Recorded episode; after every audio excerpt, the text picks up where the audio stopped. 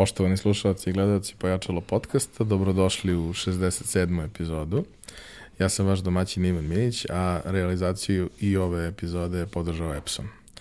Danas u gostima imam jednog pravog nemačkog đaka, čoveka koji je e, jako dugu karijeru u jednom trenutku odlučio da posveti i tome da proba da nešto napravi na ovom našem ne baš tako sjajnom ugostiteljskom tržištu i to je negde period kada ste većina vas i saznali za njega. Moj današnji gost je Saša Mišić, kuvar, e, konsultant za ugostiteljstvo ili kako bi to najbolje bilo da najave? U, ne znam, hvala. Hvala svakako i na pozivu. Ne znam kako je najbolje, znam kako treba da radim i da funkcionišem. Kako drugi mene vide i gledaju, nadam se što pozitivnije. Bavim se jednim i drugim i još drugih stvari, onako svaštara što se tiče ugostiteljstva. Mislim da je to nešto što je, što je veoma interesantno bilo i, i, i sa vašom pojavom kod nas. Dakle, Paklina kuhinja je bila veoma interesantan i uspešan serijal koji smo svi pratili. Imao je i veoma veliku da kažem, do, dobar prostor u medijima i privukao veoma veliku pažnju, ali ono što je po prvi put adresirao ovde je to da kuvar, ok, dolazi kuvar da pomogne situaciju sa kuhinjom, ali ne samo sa kuhinjom. Odnosno da posao kuvara ne počinje i ne završava se za roštiljem ili za nekim, ovaj, da kažem, u, u, u kuhinji pre svega, nego je to mnogo šire od toga što kod nas mislim da nije na taj način e, doživljavano do, do tog trenutka. Kod nas, obično kada pričamo o restoranima, to ko je kuvar se vrlo redko i pominje, dok je napolju to veoma značajna stvar. Da, značajna čak i normalna. To je standard, to je normalno da neko zdravo i e, pozitivno razmišlja u svom zanatu. Zanat, kuvar, poziv, kako god ko da ga zove, to je već standard. Da, kuvar treba da bude i van kuhinje, kuvar treba da zna da računa, da piše e, i više od toga mora da vrši kalkulacije, mora da vrši ispravnu nabavku, mora da zna normativizaciju, mora sa knjigovodstvom da sarađuje sa marketingom i tako dalje. E, da, neobično, svakako je bilo neobično. Ono što je meni bilo normalno, ovde je bilo neobično.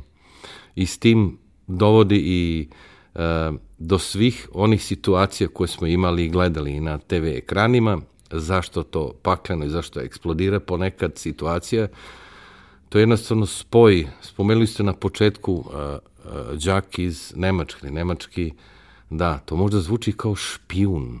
Jeste, ovde smem da odam prvi put u životu, to javno kažem. Angela Merkel mi je drugarica, Putin mi je kum, a Trump mi je dobar drugar. Oni su me poslali da rešim problem ugostiteljstva u Srbiji. Ono, kroz šalu to gledam, prizmu. Jeste, kuvar mora da bude šef, ili kako ga sad zovemo, mora da vodi, mora da upravlja sa resursima, sa ljudstvom, sa vremenom, sa uspehom, sa kontrolom, a to podrazumeva naravno volju, interes, znanje, poštovanje, škola, učenje, iskustvo, poneka šansa i poverenje od dosta ljudi i to svaki dan staviti ponovo na ispit. To jest e, svaki dan od nule krenuti, dokazati sebi drugima da to može tako da bude pozitivno. To je u suštini sve.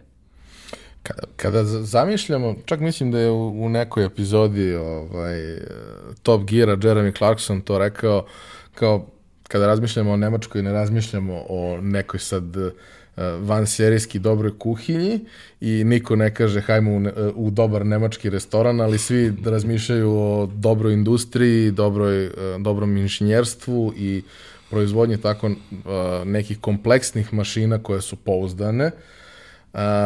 Na neki način čini mi se, gledajući to sa strane, da je taj nemački pristup zapravo to što daje strukturu, daje širinu, a da onda te neke finese koje definitivno imaju italijani, imaju francuzi, ima, imaju španci, ima gomila nekih kuhinja, da je to nadgradnja, ali da je baza neophodna. E, zato bih voleo da kada, kada se čita vaša biografija, mogu je uh, svi pročitati na, na vašem sajtu, sašamišći.com, a kada se čita vaša biografija, tu stoji niz specializacija koje ste uh mhm. -huh. završili, ali priča kreće od toga da ste krenuli da se, kažem, usmerili ste se uh, kao ugostiteljstvu, krenuli ste na zanat kao kuvar. Kako to funkcioniše u Nemačkoj? Kako je izgledala ta priča? Moja priča, neka slična priča ili sličnu priču mogu da pričaju još verovatno 100 ili 200, 300 hiljade uh, kuvari koje smo ili više bili na toj istoj školi. Uh, znači, standard je, standard je. Samo ličnost ili osobe su drugačije. Kao što ste rekli, to je tačno da. Kako je krenulo? Sa 14 godina na putu do škole, ili 13, putu do škole, prozim pored restorana i vidim na zadnjom prozoru da je kuhinja, iza rešetka, da ne bi neko ušao ili izašao iz kuhinje, ne znam zašto su bile rešetke.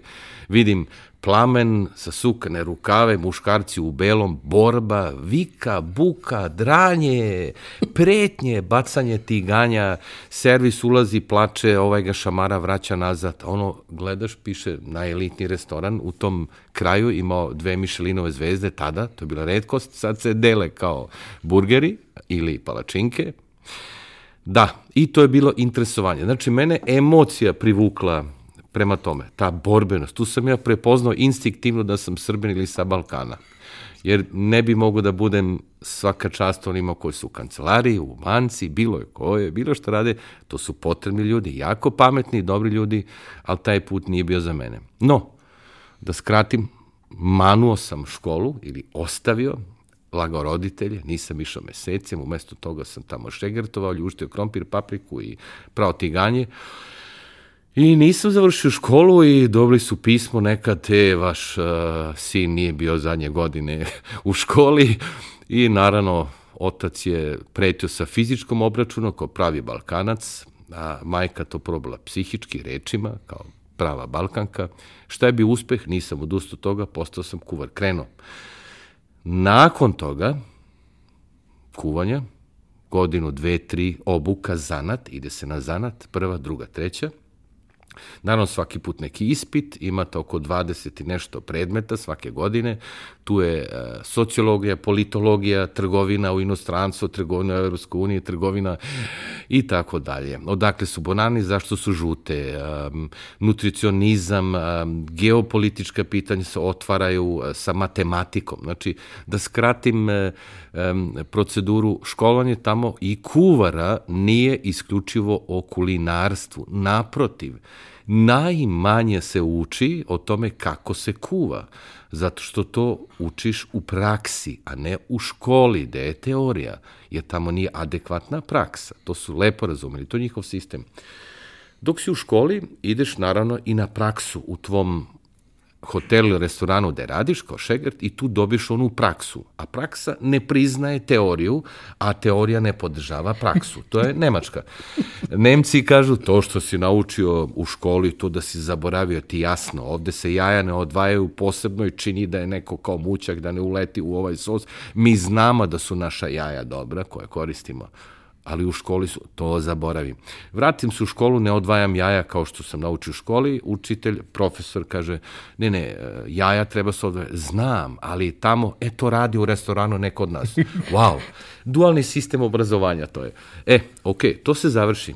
Ključni faktor zašto sam ja nastavio, gde sam onda po meni sad sudeći, ako sam čitam sad moju biografiju i mogu da isključim to subjektivno, mogu da vidim put koje jeste uh, ne samo kulinarstvo, nego mnogo šire, mnogo dalje. Zašto? Ključni faktor, opet onaj naš, ili moj, ili naš, ne, ne, naš je apsolutno, balkanski inat se tu pojavljuje. U nekom trenutku prilazi konobar, to je najveći prirodni neprijatelj kuvara, za uh, pult gde se izdaje hrana i on se fali da zna da pravi koktele koktele, šta je to? Šta je koktel?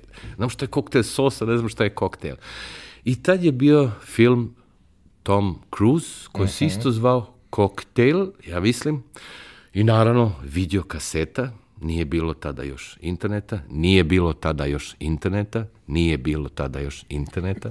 Morali smo stvarno da ustanemo i da idemo da tražimo taj film e, na kaseti. I ja to odgledao i wow, on je završio na nekoj jahti sa nekim milionerom sa viskijem od 80 godina i vrednosti od 5 milijarde dolara. To je u glavi tako, naravno ne 5, ali to je bio sinonim. Hoću ja, wow, ma kak je, zaboravi kulinarstvo, a ujedno ću i da vratim to konobaru. Vratit ću mu, napravit ću koktele, bit ću bolji od njega. Inat.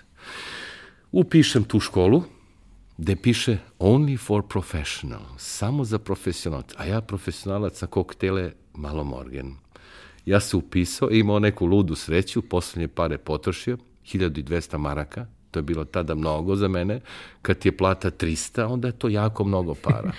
I tako da sam pozajmio, odradio, završio uspešno tu školicu, dobio to zvanje American Bartender, sa licencom i odmah green card ti stoji na raspolaganju, to by the way, više toga nema, nema da ide tu te škole, mislim na green card, ja se vraćam, informišem kuhinju, bit će showdown, high noon, ja i konobar pravimo koktel, oni ne znaju da sam bio u školi i taj konobar ne zna i on jadnik uh, Balkan, on je bio šveđan i ja Srbin, Balkan, ipak snađemo se. I sukob koktela u roku minut je bio zadatak napraviti tri koktela. To smo se saglasili. Ja sam napravio šest, on je napravio dva. Otkinuo sam ga. I naravno, publika u kuhinji, ej, ej, ej. Dobili smo rad 100 prema 1 za uvek, do veka, kuhinja je najbolja, to je bilo dokazano. A ja sam nakon toga ukapirao da uh, meni je motivator u tom trenutku bio, bio neki inat, neko dokazivanje. Ukapirao sam da posle imam više znanja u kuvanju. Znam da pravim koktele, znam sa tečnostima bolje da radim, znam da pravim sladolet, je to vezan za tečnost sa ukuse, da kombinujem ukuse, boje i tako dalje. Onda sam tako jurio školice i školice i svake godine po jednu školicu, neka cigara, neki management kurs, neki, neka škola marketinga, prodaja ili um, o psihologiji, radnoj psihologije, ukapirao sam da sa rečima mogu mnogo da učinim u kuhinji i usporedno radio fizički. Napredovao sam, onaj dualni sistem sam nastavio, kao što su mi rekli, um, školovao sam se i radio sam. Napredovao sam u pozicijama i uveče, naravno, uh, učio, učio, davo ispite. Um, tako da, jeste, jeste, jako šareno, jako puno toga, sve me to interesovalo, sve sam to pohađao sa voljom, interes, ljubav i naravno po planu. Rekli ste na početku, Nemci rade planski, sistematski, imaju dobre mašine, ostatak je od svake individua, zavisi kako će se razvije, ali ti da mogućnost da se razviješ. I ne kočete. Uh, njih ne interesuje kako ćeš ti nazvati, e, da ćeš ti nazvati recepturu od Karadžorđeve, original Karadžorđeve ili Sašina patika. To njih ne interesuje. Njih interesuje da bude bolji proizvod. I ti možeš posle da zoveš Sašina patika i bit će prihvaćeno. Kod nas je obrnuto. Kako god da je bolje, toko god neće da ti dozvoli neko da to plasiraš. Iz puno razloga. No, put se nije završio, tako? Onda sam Put se nije završio, ima tu dosta još stvari koje, koje negde treba pomenuti, ali mislim da je jako bitan taj moment gde i, i vi kažete svako novo znanje ti donese to znanje, ali ti donese i nešto potpuno drugo što se nekako uklopi u ono prethodno. I zapravo nijedno znanje koje stekneš tako nije suvišno. Da. Što kaže jedan moj prijatelj, to što sam postao futbalski sudija me učinilo boljim menadžerom na poslu. Jeste. Kakve to veze ima jedno s drugim? Pa velike. Ima. Zato da. što naučiš samo kontrolu, naučiš gomilu stvari, moraš da vodiš računa o fizičkoj pripremi da bi mogao da radiš taj posao kako treba, a posao kuvara je takođe recimo izuzetno intenzivan fizički zahtevan, du, dug rad, rano ustajanje i tako dalje. I po, postoji toliko tih nekih drugih stvari koje na prvu loptu ne deluju kao da imaju veze, ispostavi se na kraju da, da imaju veze. A, da. Pomenuli ste e, da je razvoj tekao po nekom planu. Uh -huh. E sad mi smo pre nego što ćemo krenuti da snimamo imali kratak razgovor i upoznavanje i tu ste mi ispričali priču o tome kako je došlo do, do tog plana i volao bi da, da podelite, zato što mislim da je jako interesantno. Da. Sada već pokojni Wolfgang Gengerbach je tad bio moj majstor, od njega sam učio prve korake kulinarstva.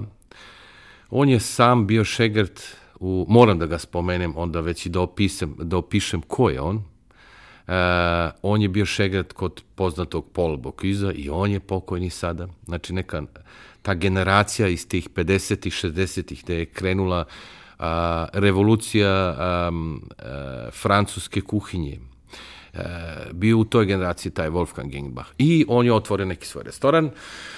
I na kraju imao dve Mišlinove zvezde. To je tada bilo jako teško dobiti, jako naporno. I niko to nije volao da ima, jer zvezda znači obaveza. A niko ne voli kao nema za ima obavezu koja se ne isplati. Tako da on pravi švaba rekao, dve zvezdice, godinu dana i posle ih vraćam. Neću, to je to. Više ima obaveza nego dobit i od njega sam puno, puno učio em sam kao mlad lik ušao u to, ne, ne formiran, još uvek, naravno, 14 godina, vaspitali su me kući, hvala Bogu na svoj način, svako, a ovo bila sad van kuće, prvo vaspitanje. Prvo je lik bio ono dva metra za mene, nije, metri 80, ali dva metra tad u pogledu, široka ramena, brkove, malo mračni pogled, zavijene rukave uvek um, um, ovako uvijene, podignute i uvek po neka rana, posekotina, bez dlaka, jer stalno u vrelu vodu, vadi knedle iz vrele vode, cepa sa nožem u toku leta, trančira patku i tako to. Bio jako inteligentan, jako radan, jako autorativan. Autoritativan? Autor, da, to što ste rekli, baš to zvuči dobro. I dalje moj srpski na fenomenalnom nivou. E, on, to je ta ličnost a ja kao emotivan, um, osetljiv, nežan lik koji nikad nije čistio ribu, niti uvatio ribu živu, treba da je zakolje i da je, a, da je radi sa njom što treba da se radi, filira čisti. On iz nekog razloga ukapirao da imam ja taj mm, balkanski sindrom, onog, reći sam spomenuo neki inat, ona borba. Hoću da budem toliko dobar da me on, da mi on ne nađe grešku To je meni bila poenta. Stidim se ako me proziva šef, nisi lepo očistio krompir, nisi dobro napravio salatu, nisi stigo na vreme. To je za mene, ono, bolje me ubi nego to da mi kažeš. To je katastrofa. I on je ukapirao i išao na tu foru i naravno me guro sve više, više, više. I u nekom trenutku kaže, u nekom momentu kad je on postao emotivan, što kod Nemca bude jednom u 100 godina. Znači, imao sam sreću to da kod njega osetim.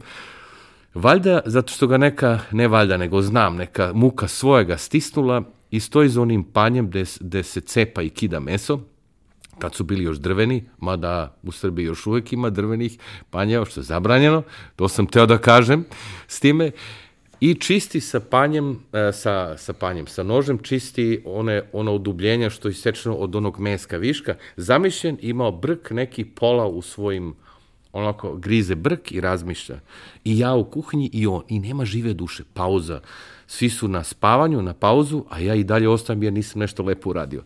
I on iz nedra, u nedra iz, iz neba sa 40 godina da si izašao iz kuhinje.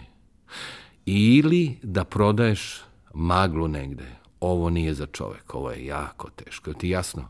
E, Jasno. Ja tad nisam razumeo što on hoće da kaže. I da si napravio plan sada kojim ćeš ići i da ga pratiš, koliko god da košta. Jer ja sam bez plana radio, živeo i onda on to video i valjda mu tu ta emocija rekla nekome moraš da kažeš svoje greške. Makar onom šegrtu ko nema pojma gde se nalazi. E, taj šegrat je to sve zapisao, napravio sam plan i pisao sam, na početku piše ne piše šegard kuvar, nego šegard života. Ne znam iz kog razloga sam to pisao. Imam taj papir još uvek. Izgužvan do bola, savijen kao ikebana puta pet, a na vrhu gore, krajnja destinacija, kaže, srećan tata. To je bilo nešto, nema veze sa kulinarstvom u suštini, ali ima veze. Zašto? Ako si srećan čovek, srećan otac, emotivan, onda si srećan u poslu, s tim deliš sreću preko hrane ili šta god radiš. Ima neke veze. No, taj put je bio do 40. Ja sam, hvala Bogu, kao Balkana sve to ranije uradio i do 30. već sam postao, 29 sam postao prvi put tata, sad ih imam osmoro i jesam srećan tata, postao i još uvek sam šegrt života. To je ono emotivna stvar. To je taj spisak, a na tom spisku je pisalo raznovrsno.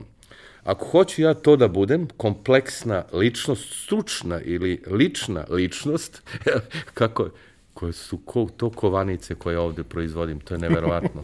Možda će jednog dana posle Vuka spomenuti mišiće za ove nove kovanice. Znači, ako hoće da budeš to što ste i vi rekli, da, e, naravno, moram ja, ako hoću da vozim uspešno auto, ne samo moram da znam da ga vozim, nego moram da znam da menjam ulje, kakav pritisak guma, kako se dodaje, u kojoj krivini mi treba više na levo ili na desnoj strani, kako funkcioniše kočica, da bi mogu da vozim dobro ili bolje. Tako i kao kuvar. I sve to je pisalo. O cigarama treba da naučim, moram da znam da modeliram e, figure od margarina, a ja svojim prstima baš nisam fin, ali bavim se abstraktnim modeliranjem, znači tehnika, pa onda dijetologija studirati, nutricionizam, zašto? Da bi razumeo kako da smanjim šećer, a da dodajem neke bolje stvari ili nutritivne vrednosti u neku hranu. I sve to spojeno u sklopu uh, e, 30 godina iskustva 55, 56 uspešno urađenih projekta kao savjetnik ili konsultant, mogu da kažem da tek sada kapiram šta mi je u suštini taj Wolfgang rekao kad sam imao 14, a on verovatno 50, da, tako. Treba ipak godine, treba naravno i negde sreća, treba uspeh, treba te pogleda Bog ili šta god ko, Eh, kome je potrebno da veruje u njega ili ti u njega, mora da postoji nešto. Mora malo i nata, mora i krvi, i znoja i možda neka ti pogrešna lokacija ti donosi razrešenje. Ako na vreme kapiraš da moraš da ideš i da si iz toga nauči nešto. Kompleksno kao kuvar, da, to je tačno, jako. Kako je izgledao uh, nakon tog nekog, da kažemo, uh, prvog stručnog osposobljavanja u, u punom smislu, da vi sada možete da budete glavni kuvar koji vodi mm. neku priču.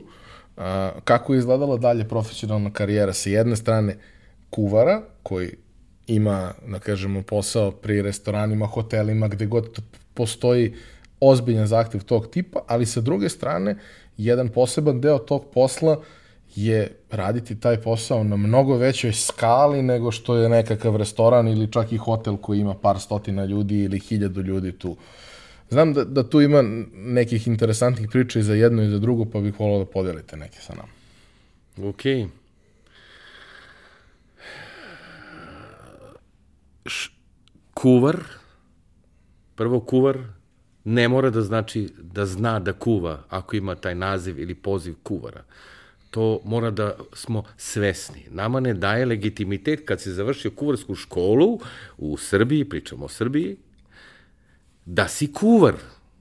Ne, nego to ti je pravo da kreneš tim putem i obaveza da postaneš kuvar. To ti kao dobio si dozvolu, položio si da, da upravljaš. Još uvek nisi vozač, mnogo godina ti treba.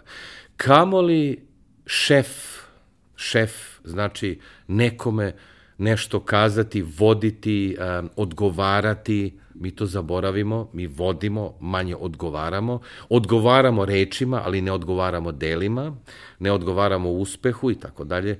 Tako da definicije prvo su drugačije. Dolazim iz sveta kulinarstva kojom sad svima dostupan preko, naravno, interneta, čak i predmet škole može sad da se vidi koje se ima ili postoji u Nemačkoj, u vezi kulinarstva. Znači, više nema tajni, nema, nema prevari, nema mogućnosti laži, sve može se protumači, vidi, nađe, pronađe. Uh, jednostavno, mi još uvek nemamo parametre. Mi još uvek ne znamo šta znači kuvar, kamoli drugi šef, šef na poziciji, zamenik šefa glavnog u kuhinji, pa onda njegov direktor od šefa kuhinje, pazi, ima i direktora kuhinje, da, tako da herarhija kod nas ne znači ko je jači, ko je brži i čiji je kum vlasnik objekta, nego znanje, znanje i pozicije. To sve mora da se prođe. To traje nekoliko decenija. 18 godina od početka škole do završ kulinarske ili kuvarske škole, pa ako svo vreme se radi i prošlo sve pozicije neophodne, može da se kaže da si dobar kuvar i da bo, možda da budeš nekad zamenik šefa kuhinje. Pazi, 18 godina, onda si zamenik šefa kuhinje. Nisi šef posle 5 godina, ne postoji.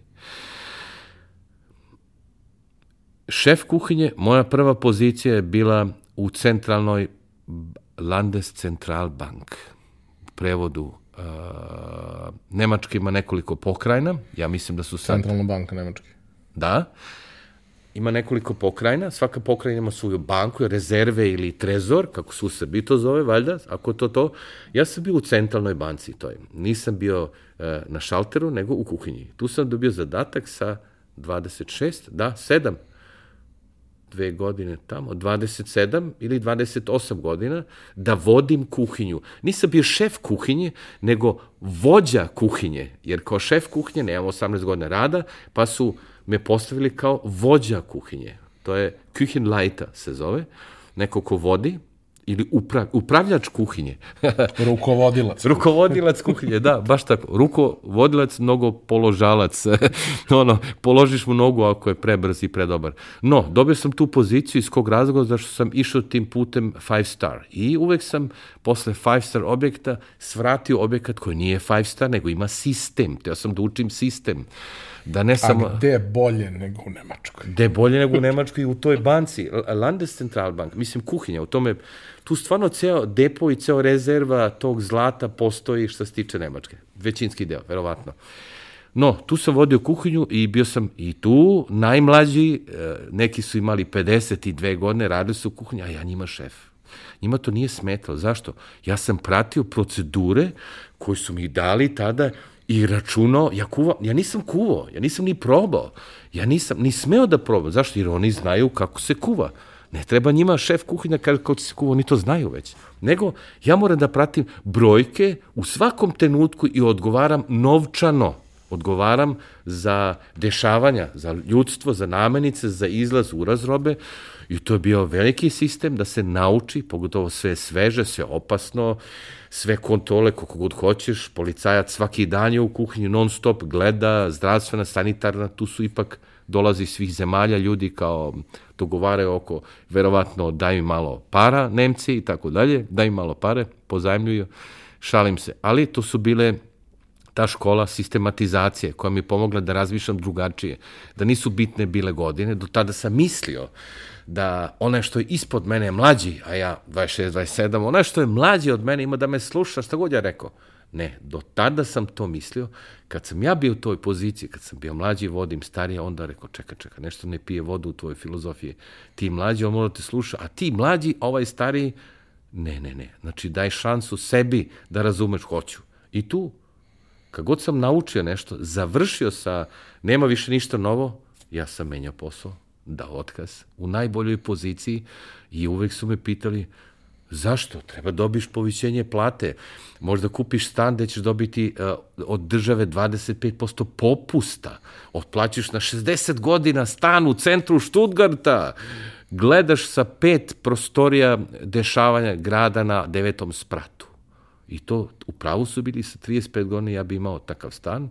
I šta bi radio? Ne znam. Možda bi kao Balkanac, bilo bi dosadno, pa bi skočio sa tog sprata, jer mi je kao dosadno sve dobro, ali hoću, kažem, meni nije bila svest možda ili želja da stanem, nego da učim, da naučim, da budem bolji, da, da razumem bolje, da me niko ne može kad tad ocrnite, kaže, u struci.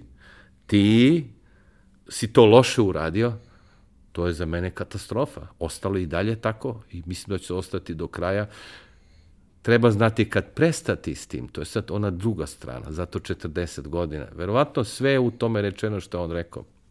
Eto, to je put ugostiteljstva. Naravno, konsultant, to je onda druga priča, to je priča budeš hrabar, vidio si neki sistem nakon toga, hoće budeš svoj vlasnik, da imaš svoju firmu.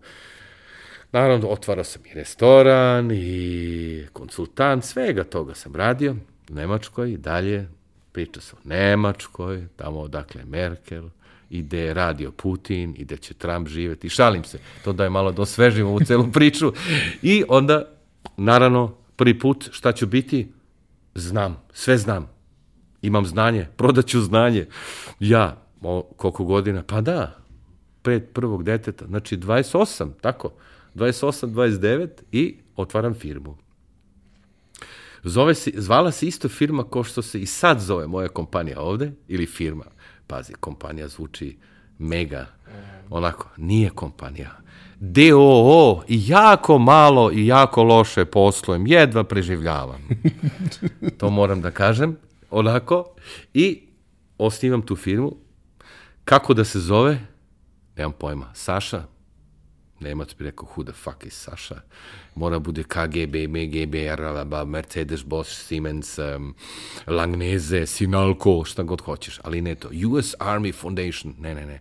Ok, šta radim? Savetovanje, to je consulting. Consulting, da.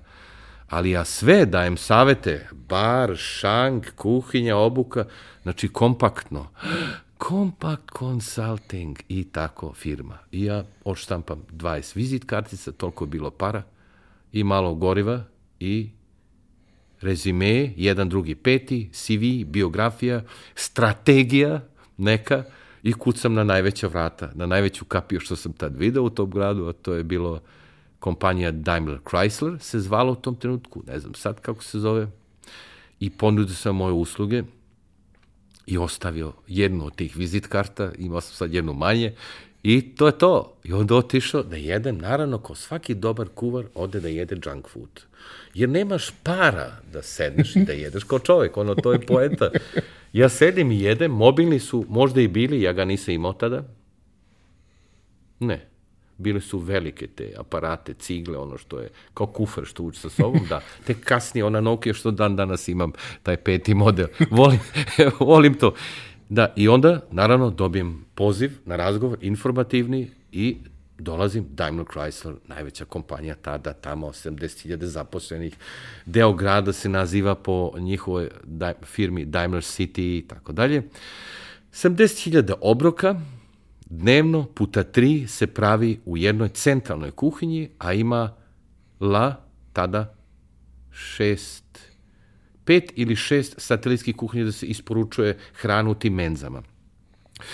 A traže od mene da kontrolišem, pazi ovo, da kontrolišem kao žutokljunac toliko, kompaniju, e, toliko kompaniju, to je kompanija, company, e, u kvalitetu proizvodnje, iskorišćavanje resursa osoblja i kvalitet namenice i hrane, lagerisanje, skladištanje, transport, to je screening, to ne bi ovde dozvoli da radiš u restoranu da si jedino sa pretnjom oružjem, to bi smeo da radiš ovde, a kao ličnost koja ima toko godina, to samo može u Nemačkoj. U Ameriku nisam bio na taj način da radim, inače bi možda bila to američka priča, ali to je the German way. Šta je tu poenta? Da skratim. Naravno, otišao na taj razgovor i preko puta mene sedi e, neki supervizor, znači neki tata, i neki sin. Taj sin je menedžer tog objekta, e, te glavne centralne kuhinje. I taj menedžer jako negativan, m, jako sumnje, kako se zove ti? Misik Sasa, to je, ili Saša, to je tamo, misik, nema š i nema ć. Vi niste Nemac? A, nisam. Da, da, to je bilo pitanje. Ne, nisam, nisam. I neću biti. Sad kreće i NATO na balkanski. Ma sad ću da vam vratim za prvi i drugi svetski rat sve. I radit ću za duplo više para kod vas. I naravno, on me tako pita, da, jeste, nije, tu je treća generacija, moj, ne, u stvari, tada treća, moj pradeda bio kod vas u robstvu, moj deda došao da radi, pa otac i ja. Ono standardna priča. I on je bio negativan. Kaže, ne, ja sumnjam, nećete uspeti, nemate vi iskustvo, dugogodišnje, a onda me pita, i on mi kaže, dođite sutra ipak na probu, bit će proba 7 do 14 dana, ne znam više tačno, to je dugo već bilo, pre mnogo godina, da, stvarno pre mnogo godina, u, jezivo. I onda pita, ono, to sebe uhvatiš kad pametiš nekom ko je mlađi i pričaš? I kažeš, ujevote, to sam ja čuo pre 45 godina, to mi priča neki deda. Ja mu rekao, šta mi ovaj priča, šta mene interesuje, šta, kako on živao, neću ja tako da živim, a sad ti nadmećeš svoje. No, da se vratimo u tu priču, da je, um, ja to emotivno shvatam dan danas, zatvorim oči, zamislim neku tačku, gledam tu i vratim se u to vreme. Pokušavam da reprodukujem ta dešavanja. Preko emocija se uči, to je deo marketinga. Zato mislim da je to jako bitno. Tako ljudi i pamte, storytelling ili priča To je jedino što se pamti na kraju. Ono. E, da li si bio dobar ljubavnik nije toliko dobro koliko se priča o tome da li si bio dobar ljubavnik muškog, ženskog roda. Nije ni bitno. Eto, da se vratimo na ono dešavanje. Mali izlet. On je bio negativac, ovaj drugi kaže, da, doći ćete. A on mi kaže, dođite u tipa 8 ili 7, mi krećemo od 9. Znači, E, ja da dođem samo sad ranije prego što oni krenu. S tim mi on oduzeo odmah kontrolu ulazu robe, a, ne mogu da prošetam kroz, ne mogu da pričam sa osobljem, sa svima. I ja, ne, ja ću doći tri sata ranije. I on kaže, ne, ne, nema potrebe, ali ja neću drugačije da radim. I onda ovaj kaže, onda nema da dođete. Taj menadžer, negativac, a taj supervizor, odlično. Vi će da dođete, super, hvala, Ja dolazim i nema tog menedžera. Ja rekao, on je na odboru i pitam gde je ta čovjek. A ne, on je prebačen u drugu jedinicu. Wow, šok. Oh, šta sam sad uradio? Ovaj će sad da me juri, on će me zgazi sad kad me vidi na parkingu, ubiće me, e, uzao sam njegovo mesto i tako dalje. No ja, onda krenuo se bavim s tim. Zašto tako mlad, neiskusan, žutokljunac kontroliše toliko veliki sistem? Zato što i sistem uči, sistem živi. Sistem ne živi sam po sebi, on ne može sebe da obnovi, jer je u sistemu, u kolovozu, u toku, u istom blatu. Nije loše blato, ima zdravo blato, ima i loše. Ako si u zdravom, ostani, ne mrdaj i uživaj. Ako si u lošem, beži. To je poenta. Sistem jedan kolovoz. Ja dolazim sa iz five star gastronomije, imam druge parametre, a taj Nemac je ukapirao da su oni u sistemnoj gastronomiji, kulinarstvo sistemne gastronomije, znači šturo, bezbojno, bezukusno, oni bace 50 kila nečega zato što nije bilo al dente, a ne mogu da napravi iz te testenina neki đuveč ili neki mm, šta god drugo jelo, da ga a, optimizuju za bolje, jer nemaju to iskustvo, to im ne piše u sistemu, ne piše u normativu. Tako da sam ja kao neki indijanac tu bio pozvan, da kao gusar, onaj sa Kariba uletim sa mačem i pokidam sve živo tamo šta ne valja i to napišem. Pustili su me da radim, bili su jako fini, jako ljubazni. Najgore je bilo što sam morao da ustanem u tri, dva sata da vozim, da bi stigo da radim. Ono, u pet da krenem da radim i ostanem naravno do 18. To je bilo žestoko. Radio sam nekoliko nedelja, to je bio taj probni rad, podneo izveštaj, taj bio presrećan, da otkaz uh, šefu kuhinje, zaposlio drugog ne mene, nije bila moja pozicija. I ja sam dobio ugovor na godinu dana biti konsultant u kompaniji Daimler Chrysler Food ili hrana proizvodnje. To je za mene bilo ludo. Najveća kapija, kucaš na najveću, da li na najveću ili najmanju, sve je to jednako. To za buduće konsultante ili poslovođe, sve to isto. Kapija je kapija. Čovek je iza toga, kapija, kogod da je veličine, možda ona veća krije nešto iza toga, znači krije, a ta manja možda nudi više nego što ti misliš. Tako da nema tu parametar, sve je jednostavno zavisi samo isključivo do tebe. Koliko imaš, da ne kažem onu narodsku stvar, hrabrosti koliko imaš, to mislim da je malo i ludost, a naravno na kraju i te sreće. To ti je ključ za ulaz opstanak je znanje i delo. I samo Rezultat. delo.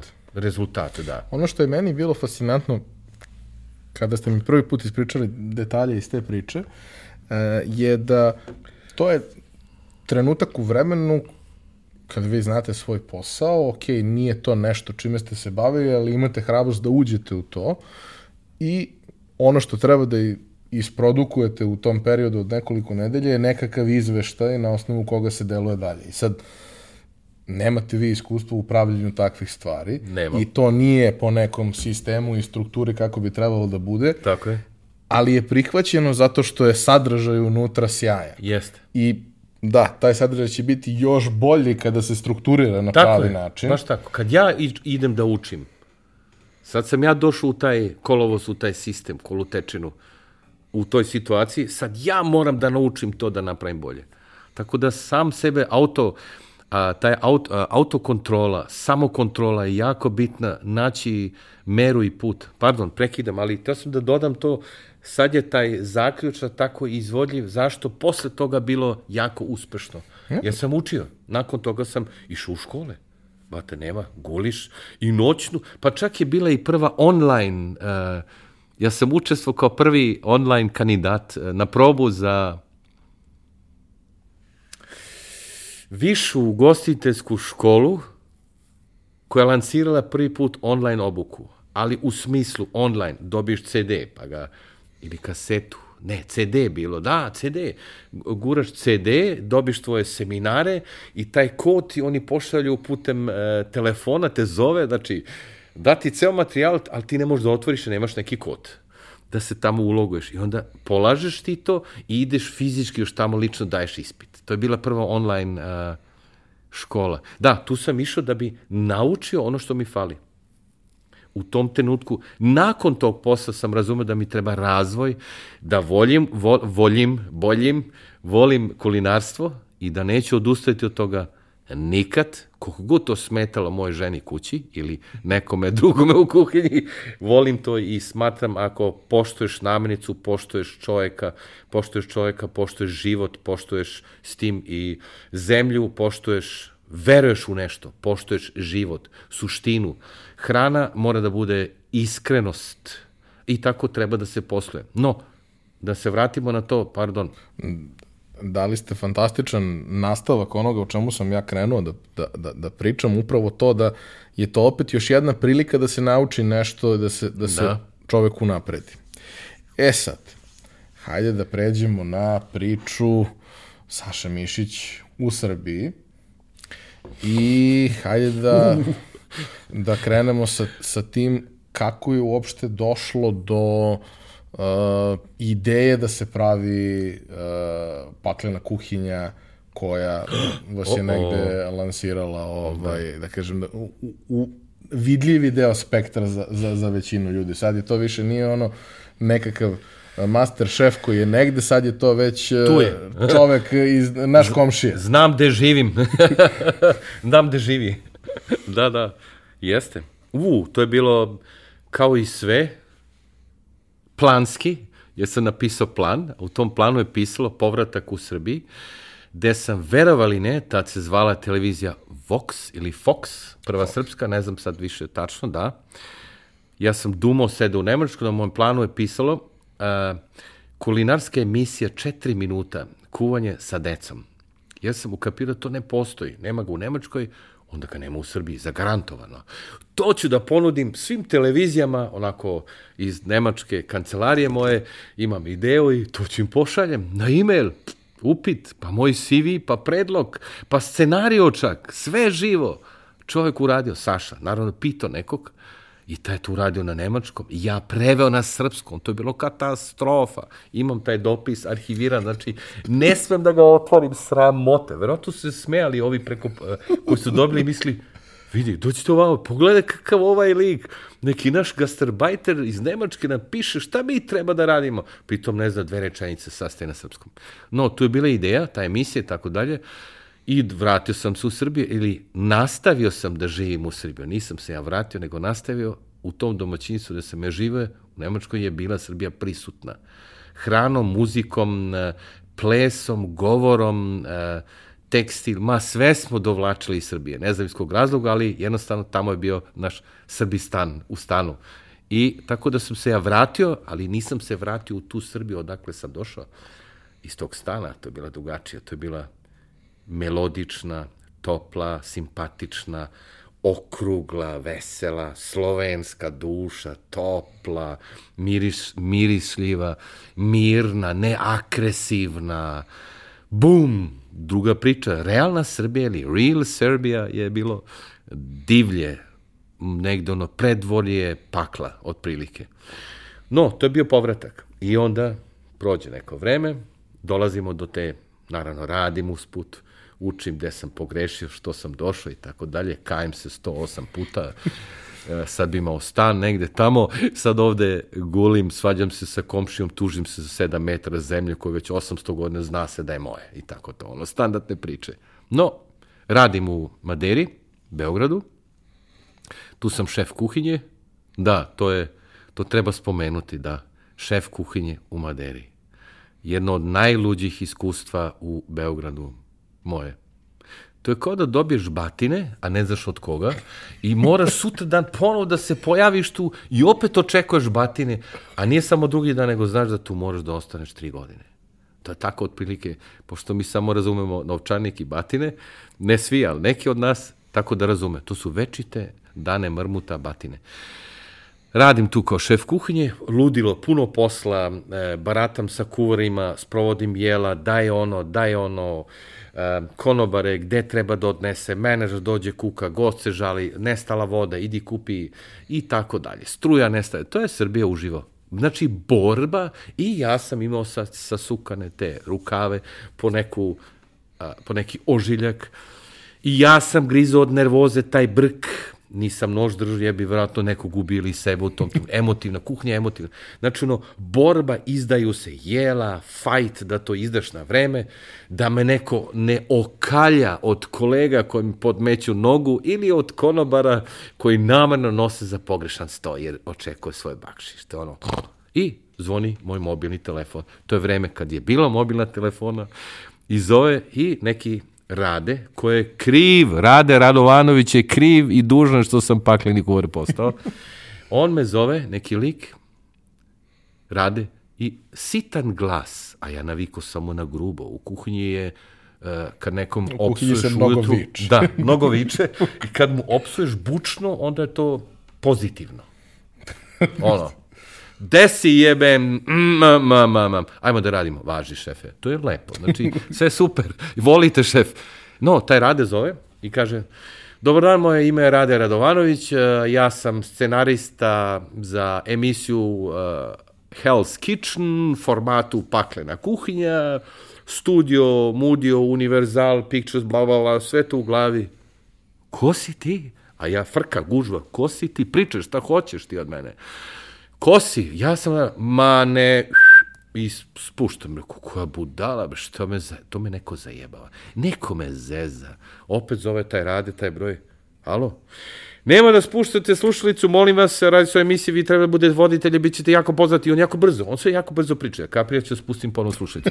I ja opet spuštam, on zove treći put, i ja, rade, jeb, mm, mm, mm, mm, mm, Ako još jednom zoveš, ima da te mm, mm, mm, mm, a nakon toga ću da te mm, mm, mm, ti jasno klik. I prođe sat vremena, ja i dalje u gužvi, leto, puna terasa, nije, nije prestala gužva. On opet zove, ja, e, sad ću da ti... Sada. Sad da te odrobija. Da. I onda on jeste, i onda on kaže, ja sam u bašti sa svim ljudima, to je vaša i moja poslednja šansa za Srbiju i za taj format. O, čekaj, rekao je, on je u bašti, znači tu je. Oh, jao, sad ću da ga... I tako dalje. I onda je rekao ono za nje i ja, preuzmi, sad se vraćam. Idem ka bašti iz kuhinje i prolazim. Sad ću nekog da razvalim tam. Kogod da ima uh, ovih svedoka, ima da ga pojedem. Pre toga nešto drugo. Da uradim. I onda on Nije on metar i 40 i nije ni problem da ima neko metar i 40, ali on je bio jako niži od mene, a ja nisam džin. To znači, i gleda me ja rekao, ja sam rade, ja, šta sada ti radim? Ne mogu ništa ti radim. Rade, što me zezaš tako? Što mi... Slušaj, ovo zvuči neverovatno, ali tako je. To je to. Moraš da mi veruješ. To je dobrobit za tebe, za mene i za projekat u Srbiji i za Srbiju. ubiću te posle ovog. I on mi pokazuje neki sto, gde sedi 12, uh, ja ih zovem šminkera, iz kog razloga sam zvao šminkera? A da, bili su šareno obučeni i svi su bili više onako cool, fancy, ležerno, niko nije imao sasukane rukave, niko imao ranu, znači nisu iz mog faha, znači kao kuvar, ja razmišljam, to su neradnici. Ovi ne rade, on ne zaslužuje da živi, sad ću da ih pojedem. I ja prilazim stole, vidim da je jako ozbiljno, čujem na nemačkom, jedan kaže, to je on? Da, da, to je on. Hmm, izgleda okej. Okay. I ja, wow, ovaj priča nemački, ovaj engleski, ovaj srbin me dovuko, to je izdaja, to je boj na Kosovu, dovukli mi da mi seču glavu. Znaš, ono, ne znaš o čemu, sada već ne smem nazad, moram kao heroj da izađem iz te priče, ne mogu nikog da ubijem tamo, javno je sve. Ja jesam. Šta je potrebno? Grub, na grubom e, srpskom šta je potrebno? Ovaj, ne razumemo, srpski ili engleski ili nemački, ja, nemački. engleski mi teže ide malo, malo bolje od srpskog. Šalim se, tu je negde. Nemački lakše. I ja, o čemu? I onda mi oni naravno ispričaju. Mi smo imali casting ovde, sad ide ono što ne sam nikome da kažem u suštini, ali prošlo nekoliko godina, smem da pričam o tome. Da, mi smo pravili ovde casting, 5000 i nešto potencijalnih kandidata je bilo za tu emisiju, voditelja, od toga tri i nešto hiljade je izbrisano zbog falč a, biografije, lažnih, lažne dokumentacije, Nemac proverava kad dođe, ne može da mu piše da si bio šef kuhinje u Hiltonu, kad nema u Beogradu Hiltonu. Mislim, ono, a, ako si naveo Beograd, ima ga, naravno, ali tada, a, teo sam kao sinonim to da kažem. A od toga 500 nije došlo, 200 ne možeš da pogledaš, nema, nema nijednog zuba, ovaj alkoholičar, i fakat dva lika ostalo, dva lika je ostalo i mi smo odlučili da nemaju karizmu za to. Ja, super. Rade, to je taj. Na večeru koju smo rekli idemo da večeramo u Maderu i za dva dana via Germanija i New York, odakle via eh, München i New York, gde su, gde su, ti, eh, gde su te kompanije, vraćamo se. I to je. Nema paklena kuhnje i Hell's Kitchen u Srbiji. I Rade nam rekao, ovo je posljednja šansa, vidio sam lika koji tamo radi, došao iz Nemačke, rastura ih, doveo disciplinu, čisti, uveo sanitarna pravila, e, pored naših pravila što mi postojimo, e, jako je agresivan, e, nikoga ne voli, ceo grad ga izbegava i on je još živ. To je za Srbiju nešto ono što je u struci živo. Nisu ga ubili ono, kao, da li je moguće? Jeste, i nema bodyguard. I on, ok, ajmo na večeru, uh, njima to ništa nije smetalo. I onda smo tu pričali pola sata, pa sam se vratio u kuhinji i ubedio me taj rade da idem na poslednji, oni su tehniku još nisu skinuli, bio neki splav. Godo. Uh Mhm. -huh. Da. Gde se to radilo i rekli su Nismo još skinuli tehniku, produži dan plaćanja, kažem da vrata ako su nešto, a oni, naši naravno, naši nisu ništa skinuli još, jer to kod nas malo fali, e, čeka se. Sutra, to je poslednji rok, ja ne, ne, ja radim, imam ovde tri grupe, vodim ekipu, šta mene briga što se dešava vani, moja porodica ekipa je kuhinja, restoran, borba, smo rekli da mora da bude vera, poverenje u vođu. Sad da napustim, Ne samo što ću teško da se vratim, nego ima da me pojedu, da me zezaju, ideš u glumce i tako dalje. Ja ne znam kako, ali uzmem slobodno to prepodne, inače tamo, da, to smijem sad da kažem, mada nije zakonski. Radio sam više od 8 sati, iz nekog razloga u gostiteljstvu se radi više od 8 i više od 12 sati, kao šef kuhinje više od 18 sati i tako dalje. Da, spava se? Nikad. Ok, da se vratimo. Ja kažem, dobro, dolazim na to, na taj tvoj, kako ga zoveš, casting, na casting, ok, ali je mi to plaćeno? Pazi, ja želim da mi se to plati. Iz kog razloga? Uzimam slobodan dan, pola. Ja moram da hranim porodicu, meni treba pare, radim. Kaže, nije plaćeno sale, ali bit će jako dobro za tebe. On me čovjek da me urazume, Odvoji dva sata, molim te, dođi, ubiću se. On nervozan, on već kaput. Tu mu izmiče projekat, s tim izmiče i druge stvari. No, došao taj dan, pojavljam se tamo, uskraćena verzija, snimatelj, kameraman, tonac i sve ostalo, režija, reditelji i svi ostali su Srbi, sem vlasnika jednog, drugog, trećeg, petog formata. Znači, Englezi, Nemci i Srbi. Srbi izvode rad, ja, Srbin, nemački govoreći sa američkom sertifikacijom škole, a ono, Amerikanci i Nemci stoje iza. Prvi kadar, naravno neka velika Biblija, scenario, gde piše Mišić radi to i to, okrene se, kaže to i to, sa pogledom preko ramena, direktno u oči onog sokola koje je preletao toranje. Tako. Ja niti znam da čitam, još uvek, ćilicu, nisam je učio, a to je sve na ćilici pisano. Ja to pogledam, imaš tri minuta da naučiš. Tri minuta, brate, ja nisam voditelj, niti glumac, ja sam kuvar, a ne znam da čitam. Ja to zaobiđem i ne čitam, naravno.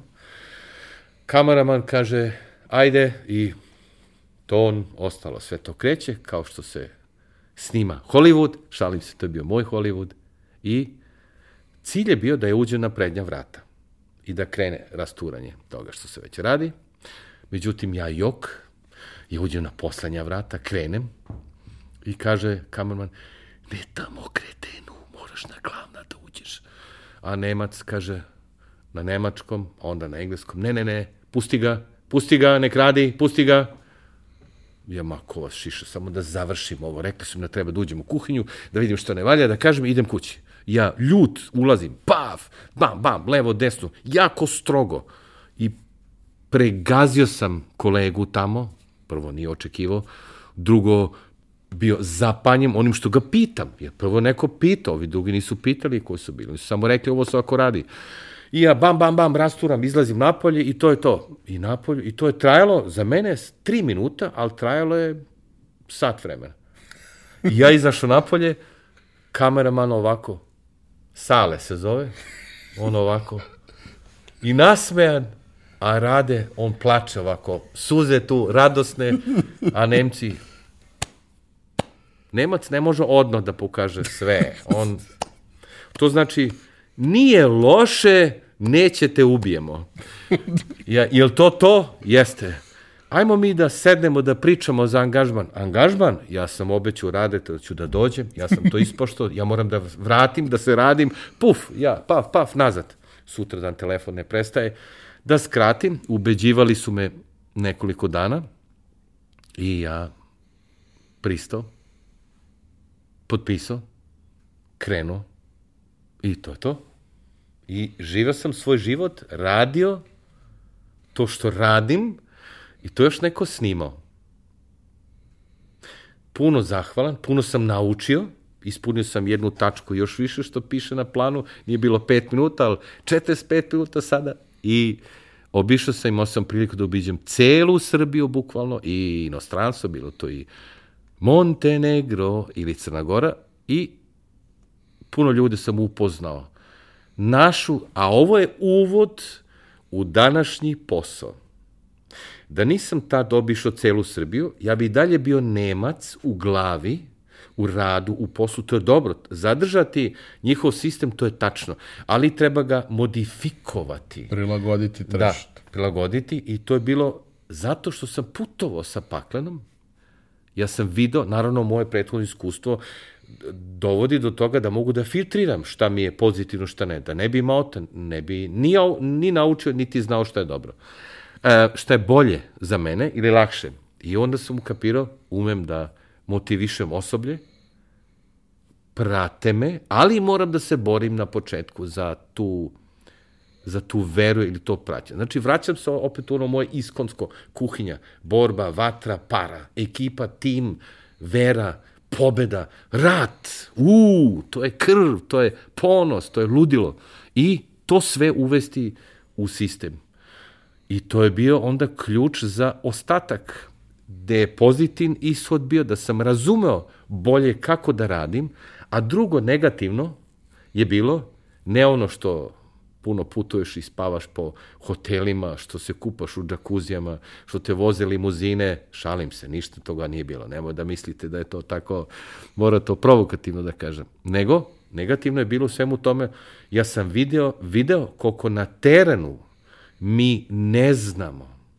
Ne sam, nisam ja najpametniji, ali imam ponos, imam tu nacionalnost, volim da moja nacija ili moj narod, moja zemlja perspe, perspektivno u kulinarstvu stoji, da poslujemo dobro, da smo poznati kao dobri kuvari se dozvo.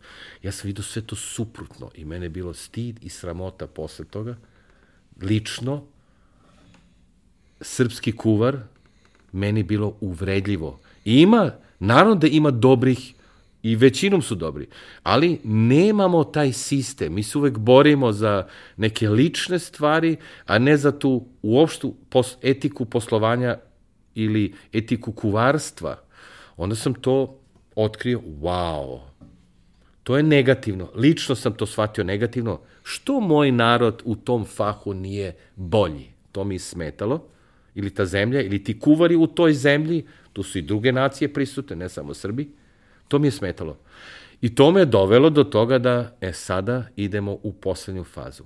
Sada ću svima da pričam sve ono što znam. Ima da pišem, ima da pričam, ima da postavljam, ako treba online, na mesec ima da projektujem. I samo toliko para ću tražiti koliko mogu da pokrijem troškove pokretanje toga. Zašto?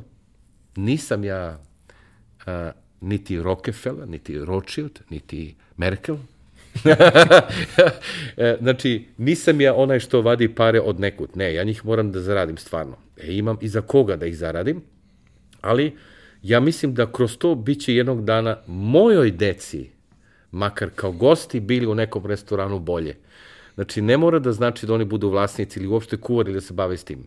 Nemaju neki mnogo afiniteta od tih. A u stvari ima ih dvoje njih ima afinitet, ostatak ne baš. Znači, nije poenta da li će oni lično to koristiti kasnije. E, moj tata je bio, ima više, mi sami znamo kako prolazi neko kome se napravi spomenik. Ili mu se skine spomenik, ili mu se prežvrlja. Tako da ni jedno ni drugo nije dobro. No, sam kvalitet ugostiteljstva bi raso, s tim bi bili bolje na tržištu, a to je bio moj životni zadatak da sa varjačom vodim tu borbu koju su drugi pokušali na drugi način ono gde se razumem. Sa iskustvom, to su te, u, nije to bilo ubrzo, ja sam sad pričao sigurno tri po sata bez prekida. A, jedna od stvari, mislim, direktan povod za, za gostovanje je bio kurs na koji sam ja naleteo i učinio mi se jako interesantnim upravo zbog tog širokog pristupa koji u suštini ono nije kurs za kuvare, ono je kurs za kuvare, menadžere, vlasnike, konobare, vlasnike. Buduće. Sve ko, koji razmišljaju koji su deo toga. Da. Svako može da nađe nešto što ga interesuje, a opet, Jeste. kako rekao smo, treba i da uđe u ono što ga možda ne interesuje, jer čuda može da sazna tamo. Da, i da Mnoge promeni. Stvari. I da promeni. A, I tu je prosto sve nešto što, što sam smatrao da može da bude veoma korisno ljudima koji, koji ulaze u to. E sad, a, kroz celu tu priču sa paklenom kuhinjom, koja je da. definitivno doprinela vidljivosti da. i svemu tome, uh, uvek postoji uh, kada se nešto snima za televiziju i uh, reality je program u svojoj suštini, uvek postoji neko pitanje koliko toga je zapravo namešteno, šta je namešteno, šta nije namešteno. Uh, mislim da je dobra stvar to što vi niste glumac i mislim to se vidi, Apsolutno. a i rezultati se prosto kroz neke aktivnosti vide. A, kako je to izgledalo što se toga tiče? Kako je sa, sa te strane ono, nekih očekivanja, taj format ima svoje pravilnosti da bi da. to ostala mm -hmm. paklena kuhinja. Da, da, ona mora da funkcioniše na određeni način. Yes. Kako je to funkcionisalo i šta su neka, ne moramo previše u detalje, ljudi su to i gledali, ali šta su neke ono neke stvari koje možda možete da izvučete kao zaključak kao najčešće greške koje zapravo mogu lako da se poprave, a mnogih ljudi koji ulaze u tu priču prave. Hvala na pitanju. To je ono, to je ono srž i suština s čim se mi svi bavimo koji učestvujemo u tome, pa i vi u gostiteljstvu, turizmu, hoteljerstva. Svi mi smo negde učesnici u tome. I onaj što sadi papriku i kuvar, konobar, menadžer, i vi, i ja, i ona je u školi, svi mi učestvujemo i toliko smo krivi i odgovorni i a, zahvalni e, i treba da budemo zahvalni kao i svi ravnomeno, hoću da kažem. E, najveća to je i pitanje za rešenje, ono, e, čvor, e, koji se, ugostiteljski čvor koji se preseče, s tim bi mogo da se preseče, jako lako.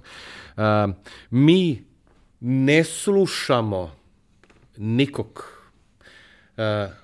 ni sebe, kada ti kaže pukla ti, žuriš, žuriš, pukla ti je guma, a ti se ljutiš i kažeš, sad bi mogo da sam već tamo, sad sam ovo, gubim vreme, ono, mrtav si umoran, zaspio si, a guma nije pukla slučajno, nego ti je nešto reklo, stani čoveče, polako, razmisli, opusti se, odspavaj. Šta god, mi ne slušamo ni sebe. Naveo sam taj drastičan e, primer, primer e, situacije. I svega toga se videlo da ne slušamo, ne čujemo i ne razumemo se uglavnom u tu celu sferu nemamo celu sliku, nismo edukovani, nismo obučeni, a, nemamo ptičiju perspektivu, nego se uvek ubacimo kao vlasniku rov i odmah kopamo. Odmah, kidaj, ja ću to, beš tamo, ja ću, a, ja kuvam, ja služim, a kući uveče vodim knjige i naravno da mi tu promakne dve nule. E, imam problem, knjigovođa zove i kaže, e, bate, mislim, nemaš para, zatvaraš. To je jedan primer. Ne znamo, nećemo da pitamo, ubacimo se odmorom, ja to znam, hoću sam. Moj deda bio kafanđija. Kad je to bilo? Pa bilo je pre rata. Pre kog rata? 99. Pa drugog, pre prvog, pre prvog. Brate, pre prvog je bilo jedno i jedno piće, pet si popio, daj mi pare za šest. To je bilo ugostiteljstvo tada. Sada je komplikovano. I to mi olako shvatimo i većina njih 60% uđu u tu priču ugostiteljstva sa imam nešto više para ili manje što želim da potrošim, uložim ili da iskoristim. Hoću sebi ili ženi da napravim dnevnu sobu. I bit će najbolji restoran u lokalu ili u zemlji. Ima da dovedem najskuplje kuvara sa najskuplje namirnice i bit će samo najskuplji gosti kod mene. To je jedna varijanta. Jako malo su, i naravno da je to fatalno. Prvo, da li si ti radio istraživanje tržišta? Ne. Zašto? Pa bit ću najbolji. A ko ti kaže da si najbolji? I među kojima si ti najbolji? U kojoj kategorizaciji konkurišeš? Da li si trenirao? Da li imaš dobre patike? Da li imaš osoblje? Da li si u kondiciji? Da li si plasiran? Da li si rangiran? Ko ti se bavio marketing? A, moj... Uh, moj uh, sin od ujaka ovaj, zna sa kompjuterima, on će da pusti na fejsu neku reklamu.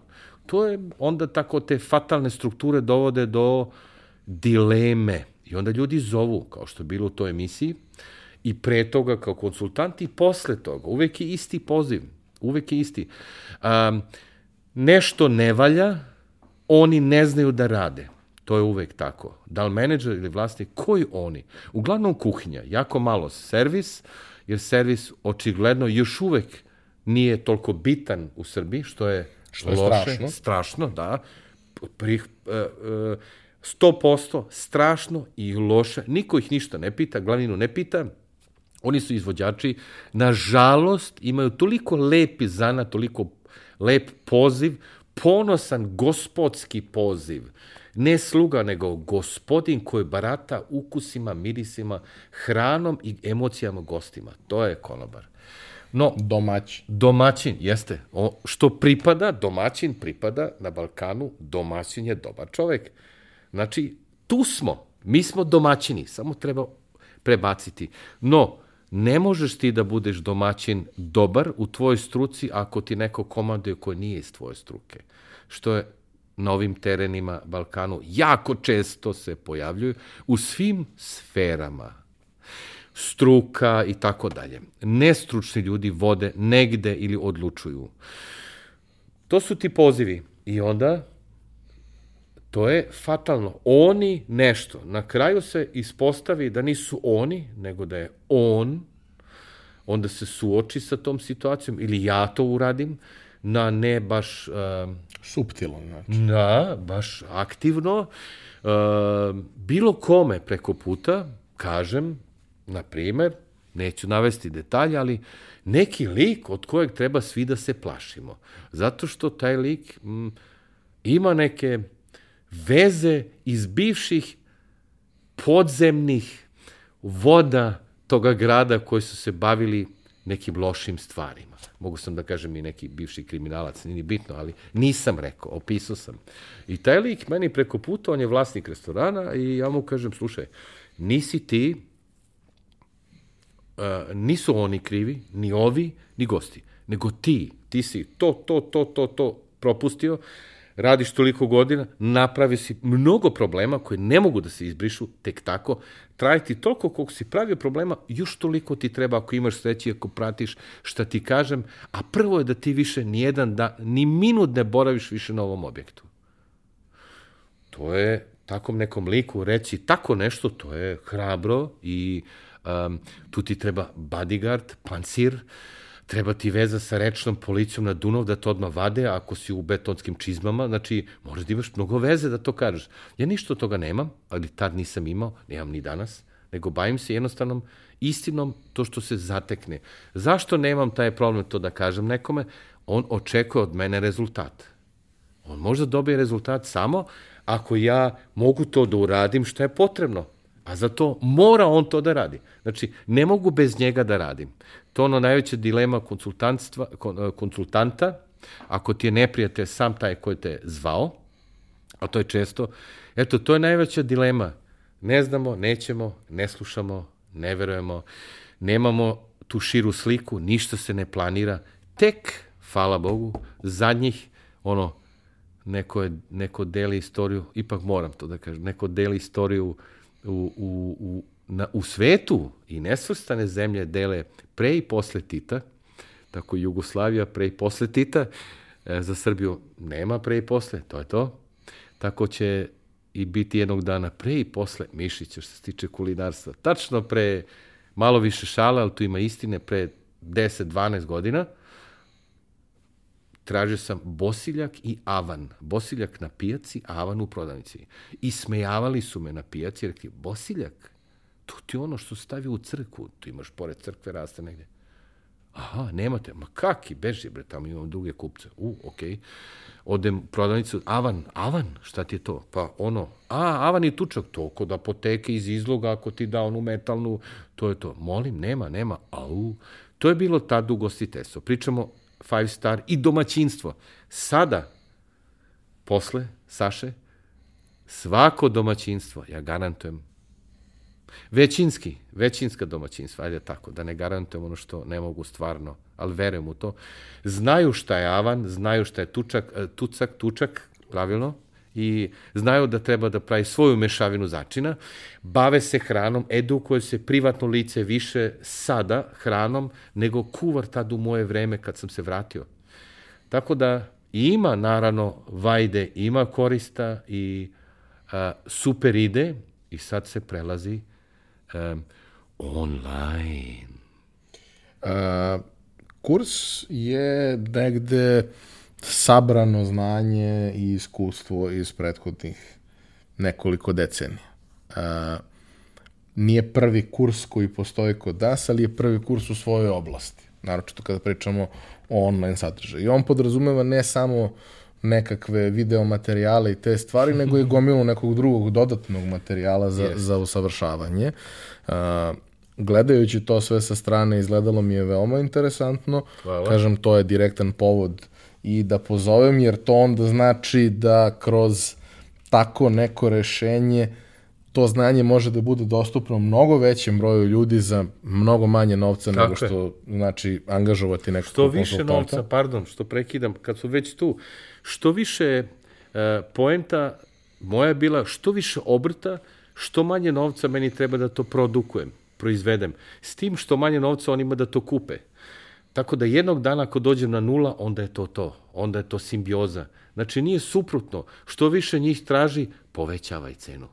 Ne, što više traži, smanjuj cenu. To je poenta. Ako su već došli do kursa i interesovanja i mnoštvo zainteresovanja. To je poenta, to je ideja. Mislim, jedna vrlo bitna stvar je što smo svi negde shvatili koji smo prethodnih godina delili besplatno svoje znanje Da. i da ljudi mnogo manje cene znanje koje dobiju besplatno od znanja koje plate i zato mislim da je vrlo značajno što, što kurs postoji Takođe mislim da je super da ova sadašnja situacija, mislim nije super situacija sa koronom, ali je super reakcija na situaciju sa time da to bude još povoljnije Tako i da je. ljudi iskoriste ovaj period da se usavrše i da Jeste. ako ništa drugo razbiju sebe neke iluzije. Jeste. Ja, ja Baš tako. često kažem kad pričam sa ljudima i kad pričamo i, i, consulting i, i rad sa njima, kao hoće da pokrenu biznis, pričamo o tome, potpuno je okej da zaključak bude u ja ovo ne treba da radim.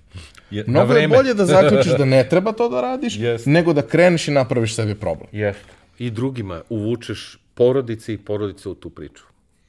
A, Hvala, to su velike pohvale, to je ono što smo uh, onda uspeli, nije to Mišić Saša sam uradio, to je ekipa od mnogo ljudi, mnogo godina rada, ne samo mojih, nego od drugih. Svako radi, bavi se tim što najbolje ume, tako da je tu bila simbioza dobrih ljudi, mladih ljudi, mislim i na mene, ja farvam ovu bradu, to je da bi delovao starije, kao Da bi bio autoritet. E, to, da, da, mora, autoritivno mora da se sve radi u Srbiji, tu nema drugo. E, ima jedan mali vic da ispričam, ako smem, ono, koreg, e, kao e, da se razmrdamo malo od, tih, e, od tog samo hvaljenja, hvalenja od Mišića, svo vreme hvali on sebe šta je sve radio, ali poenta da neko iz te priče što sluša nas ovde čuje ili vidi nešto što ga interesuje, nešto što mu promeni svest na bolje, poslovanje, razmišljanje. Znači, pozitiva je u pitanju. Koliko god da treba da budem klon, decenija, to ću biti ako pomaže to svima nama da razmišljam drugačije. Nemam problem s tim da stavim crveni taj nosić. Lepo mi stoje. E, zato i taj vic.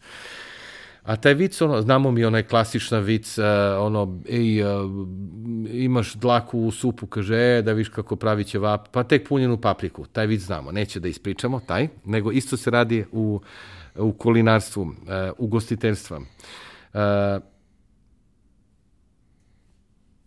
da, nije to vic, nego je crash sistema. Ah, umor. Ja se samo Kako je sećam dobro? jednog trenutka ko, šta je meni privuko pažnju. Znači, znao sam da postoji, počelo je da se vrti, onda sam video tekst koji mi je bio genijalan. A taj tekst je priča a, zašto je pitanje gde je toalet toliko važno i zašto gotovo niko ne razume tu celu priču.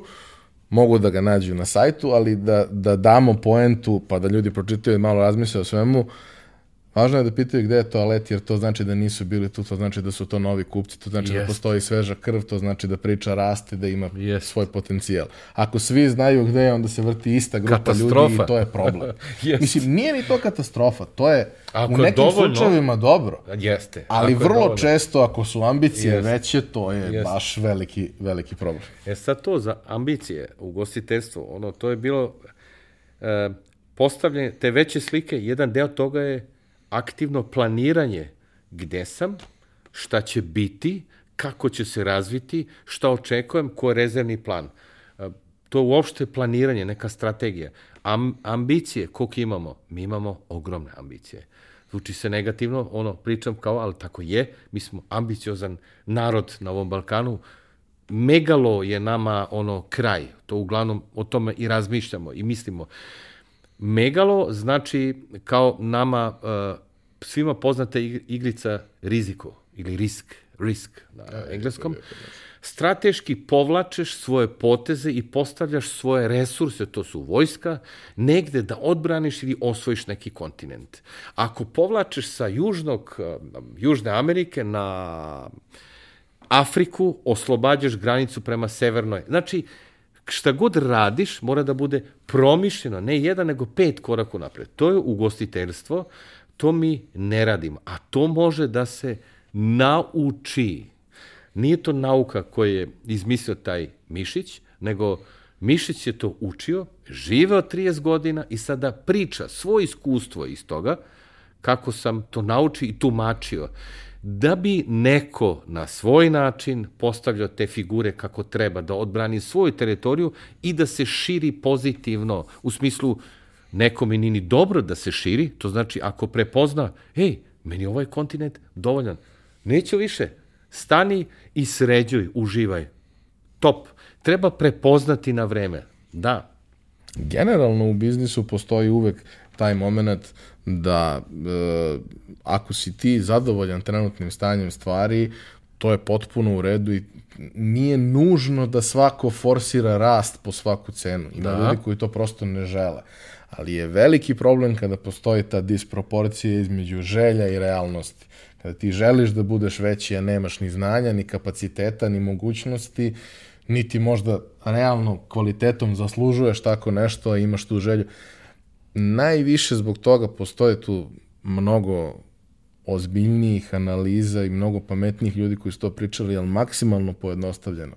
Najviše zbog toga što ćeš svaki dan biti nezadovoljan i razočaran. Je baš tako. A to je strašno. Tako je. S tim nisi srećan čovek, s tim ne deliš sreću, to je svačiji put, treba cilj da bude. Reset.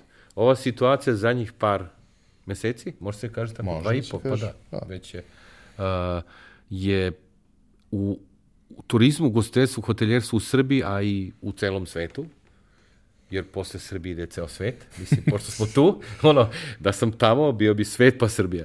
Ne, šalim se malo. Nema, uh, nema negativnih, uh, nema negativnih zavre, završetka tih priča koje su krenuli posle virusa. Ne dolaze gosti, um, brojke su pale u Hrvatskoj, u Sloveniji turizam, inostrani turizam pao, sad se samo ide interno i tako dalje. Sve te brojke, da, ne kačimo, da se ne kačimo mnogo turizma, turizam je više fiktivna stvar nego što je realna sa brojkama, jer ja nemam brojke koliko je bilo u mestu Kukmangu, u Kongu, koliko bilo gostiju na bed and breakfast, ja taj podatak nemam. Znači, nemamo realnu scenu kretanja tih turista. Nebitno samo iz naše branče. Ništa nije se negativno završilo što je počelo sa tim takozvanim stanjem ili virusu, šta god to tumačimo, udar na turizam, u ugostiteljstvo. Naprotiv, imali smo lufta i vremena da razmišljamo, pukla je guma, to je bila poenta, pukla guma, stani, o, Miško, stani, kupio si salaš, imaš 8 hektara, teo si da kupiš još 25 hektara, da napraviš akvapark za goste iz Mađarske, a sad ne dolaze više Mađari tu zbog ove situacije, nego naši. Znači, mene je, ne mene, nego tog čoveka ili tu ženu je spasila ta situacija. Zašto? Pukla je guma, stao si, razmišljao si malo da li treba mi taj kapacitet ili koja je promena potrebe. Tako da nije ovo donelo samo negativno. Ja mislim da ako smo svi ušli u srž onog s čim se bavimo, donelo isključivo pozitivno. Ja bih bio tu e, konzervativan u smislu da nije isključivo pozitivno, ali da mislim da je niz saznanja koje smo stekli o sebi, svom poslu, zaposlenima, saradnicima, izuzetno dragocen. Yes. Tek kad vidiš vanrednu situaciju i neko ti kaže, e, znaš one fakture, Da. e, za tri meseca ćemo platiti. A nije neko ko, ni, ko nije u poziciji, ko je mali da, i da. zaista ne može. Ne, nego neko ko koristi situaciju, onda znaš da ne treba da se oslanjaš na to. Koristi to dokle jest. ti se isplati, ali zaštiti i svoj interes u budući. Isto tako i sa partnerima i sa kolegama i sa zaposlenima i sa svim ostalim. Na neki način tu se vidi kakvi smo u suštini i to Mi od i drugi. A, da, i mi i drugi i drugi Jest. vide kakvi smo mi i kako smo odreagovali u toj situaciji, koliko je nama stalo. Znači, ja, ja znam nekoliko priča ljudi koji, kojima je biznis sada jači nego što je bio zato što su ljudi svesni da su oni svoje zaposlene zaštitili u ovom periodu. Apsolutno. Najbolje, najviše što su mogli. Ti ljudi kada su se vratili, su se vratili sa mnogo više alana, jer su shvatili, e, ovo nije samo moj poslodavac, ovo je čovek do koga je meni, Tako je. do, do, kog bi je do mene, do mene stalo. Da, da, apsolutno. Poverenje, stabilnost i neka vrsta ono ljudski faktor koji je uleteo u našu branšu ponovo e, na, u Srbiji. Ulet, ponovo se vratila ta neka ljudsko razmišljanje. Čovek i nečovek e, se sad razlikuje i u poslovanju s tim i buduće poslovanju. E, pitali ste na početku uz pitanje šta su, šta je najčešće se provlače ugostitelja kao pitanje ili kao rešenje ili kao problem. Um, ili kako rešiti. Rekao sam uopšte to neznanje, neplaniranje. I ona izjava, izreka, ja sam prošao te škole, nisam iz ove branše, a imam 53 godine, ja da naučim, više ne mogu i stvarno me ne interesuje. Taj kuvar mora da zna da kuva i to je to. A ja da ga vodim, ne moram. On mora da radi svoj posao. Imam nekog menadžera, a kako? Ok, onda stop. Da se ne vratimo na tih devet grešaka što je sad već taj lik u toj priči izjavio. Devet greške je rekao ili devet potencijalnih grešaka je naveo ili prihvatio kako god hoćemo. Jedno pitanje samo, ok, ako je sve to tako, ako ne moraš, ne ono što si mene zvao ili što me pitaš, to posto ona nebitno. Naplatit ću na kraju. Pa izvoli plati. Nekom druga neću i to je ta cifra. Onda on postavi se pitanje, ok, kako dovesti tu osobu do te tačke da promeni svoje mišljenje i da prihvati e, ne saradnju, nego napredak, rešenje tog čvora. Postavite njega dobro. Zaposliš čoveka, koga zapošljava? Menedžera, pričamo o tome. Ja. Da li imaš parametar zapošljavanja? Kako? Pa pitam koliko para, da li ima iskustvo, koliko radio, da li ti imaš iskustvo u tome? Ne, ne treba mi. Treba ti. Zašto? Pa da bi znao da postaviš ka, opis posla, ko ti uopšte treba, šta ti je cilj, šta ti je target sa tom osobom, koliko da ti uštedi para, ne da pravi, nego da uštedi, to su onda, otvara se pita, ide se na novčanik, ide se na emociju, a emocija u Srbiji ponos i novčanik. Znači, svodiš razgovor na to da bi čovjek se probudio, mora da razume, wow, moram makar toliko da znam da bi mogu da definišem ko je dobar za moj posao, ko je nije. S tim on mora da uči. Ok, pada ono kad kaže imam 55 godina, nemam ja vremena da idem po škole, niti imam e, tu, tu žilu ili tu, nema više to strpljenje, ne mogu ja da čitam te knjige, te ispite. Onda moraš da nađeš drugi način. Pričam pre online e, edukativne platforme, pre formiranja toga, to je sve pre toga. Razume sam, posle toliko razgovora, posle toliko upita, da ne mogu jednostavno da stignem na sve lokacije. To je bila poenta. Ne ono što ja hoću ceo kolač, ne, nego zovu ljudi, zove i kaže, dođi problem, reši. Ok, hoću, ali ne mogu, zauzet sam. Do kad? Iduće nedelje? Ne, do marta iduće godine. Zajebavaš, hoće da dižeš cenu. Ama ne, ne mogu. I onda neki budu ljuti jer misle da neću da radim. Ne da ne mogu, nego neću. Onda sam ukapirao, wow, opet ona inat da mi neko ne kaže ti si loš. Ja onda moram da formiram nek, nešto, neko telo, gde više njih ima pristup, da ja nisam fizički tamo. To je bila poenta. To je bio jedan deo pokretača zašto na taj način ta plata, da bi mogao taj što je rekao, ja sam industrijalac, mašinac ili frizer, ne znam ovo, hoću da naučim, ali nemam vremena, ne znam kako, ne želim da čitam, ne želim na ispite da idem. Ali hoću know-how iz unutrašnjosti scene da dobijem. Hoću da umem da čitam, kao nešto čita tragove um, sibirskog tigra, hoću da čitam tragove problema u kuhinji, a nisam kuvar. I onda, po tome, sam formirao temat, po potrebi specijaliza... Znanje iz Nemačke kako, specijalizacija na terenu šta je potrebno pretočeno u kursevi, u teme razrešenja današnje dileme. To je bila, wow, u teme razrešeno današnje dileme. To nije loše. Mislim, ono kao... Ja samo mislim jedna stvar da je tu vrlo značajna, a to je da je ovo veoma jeftina ulaznica uz koju ti možeš da napraviš dobar rezultat, uh -huh.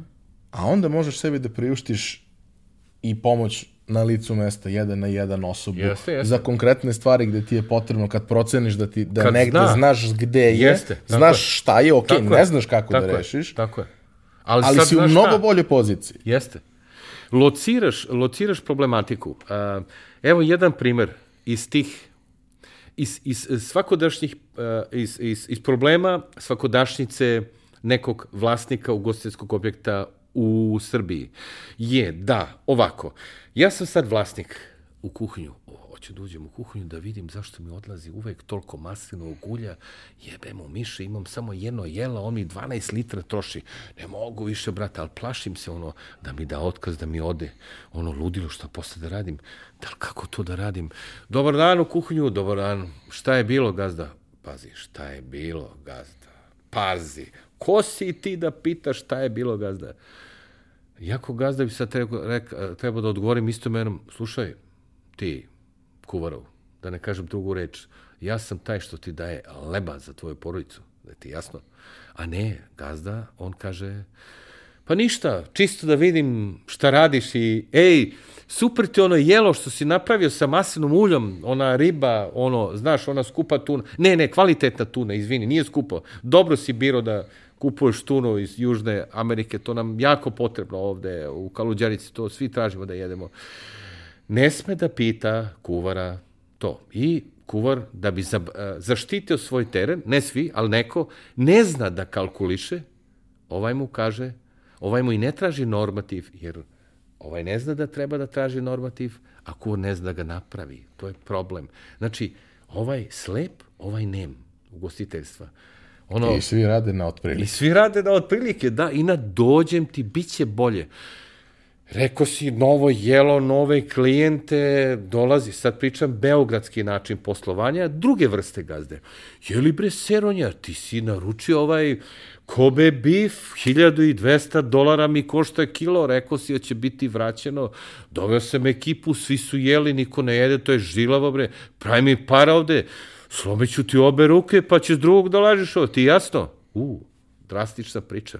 I take gazde postoje. Onda tu kuvar što ima on sada strah, on donese od kući neki začin od svojih para da napravi bolje jelo da to proda. Laž, jedna i druga stvar, ne postoji. Prvo, mora svi da znaju o čemu se radi, mora da se priča. Pristup drugačiji, što mi učimo ili što ja pričam u tim seminarima, lek za jednog i drugog vlasnika ili kuvara, te god se nađeš je sledeći.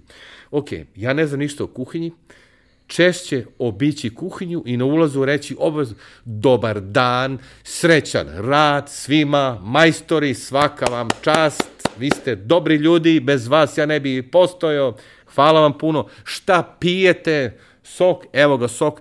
Šefe, ono jelo što si napravio, ja ga lično ne volim, ali moja žena odlepila i gosti, a to je poenta, ti ne kuvaš tu za mene, nego za njih. Svaka ti čast.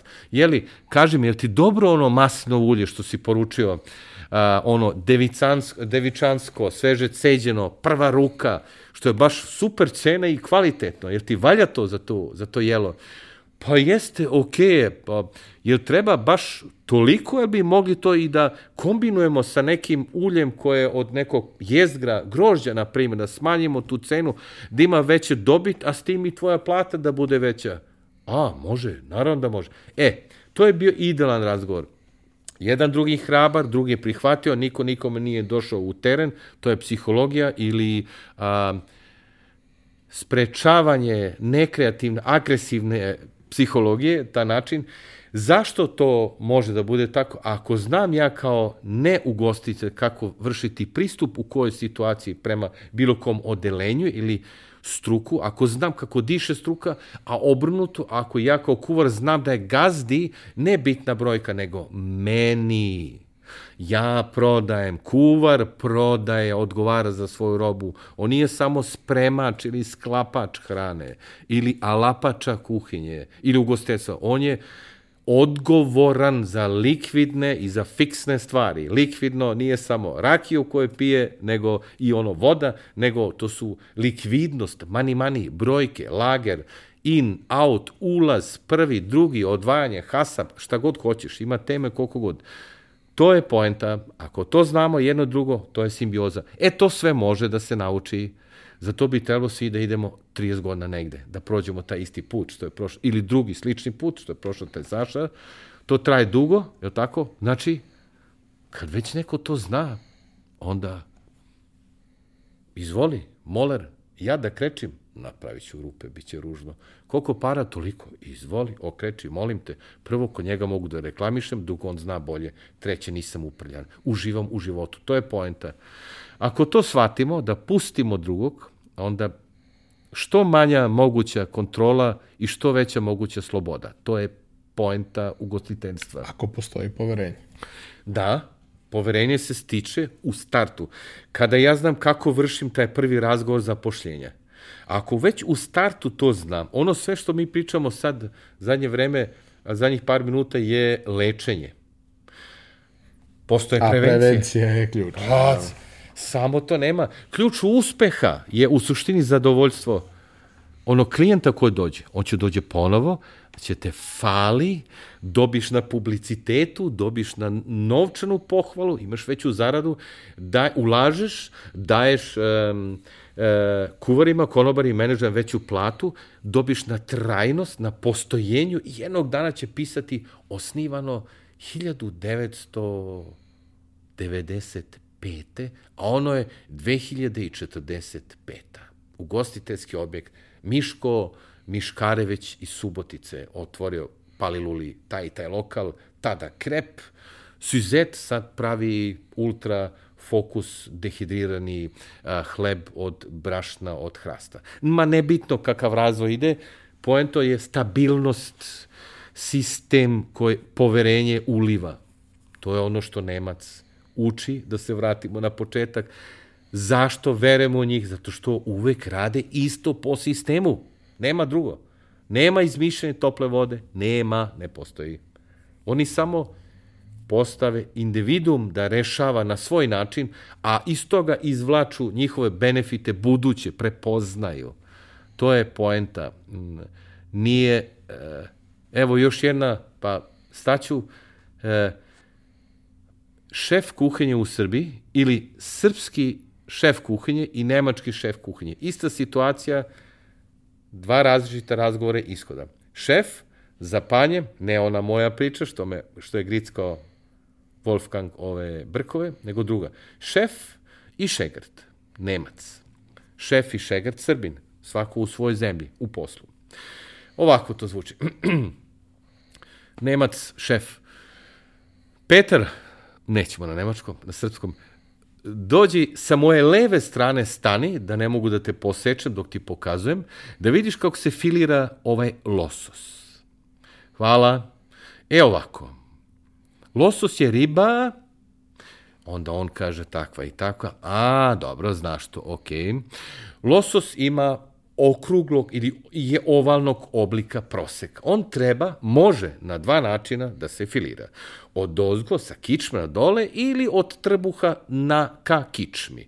Sve to ne radiš u vazduhu, nego ispred sebe na dasci gde je ispod to i to, gde je soli sa tvoje leve, krpa sa tvoje desne, tvoja desna ruka mora da bude uh, uvek suva, nož koji vodiš mora da bude jako oštar, to je taj taj model i on tu priča i priča i priča i onda mu pokaže jednom, on kaže ajde sa ti, a ne valja, izvini, korak nazad, hvala, pogledaj, ispravka, tako se radi, probaš jedno, bravo, to je odlično, ajde sad ti samo radi, odlično, to je to, zovi tvog mlađeg kolegu, e sad ti njemu pokaži, jeste, odlično, od sad ti radiš losos, hvala, o, hvala šefe, je, yeah. taj Petar ode kući, pitao ga šta si radio na poslu, ej, filirao sam losos, ja sam, i uspeo sam, izvukao sam dva fileja kao suza, kao tepsija, bez išta što smeta. Nemam otpad više od 3%. Izmerio sam to, naučio sam da merim, da računam. Mali I, Nemac. Da, mali Nemac.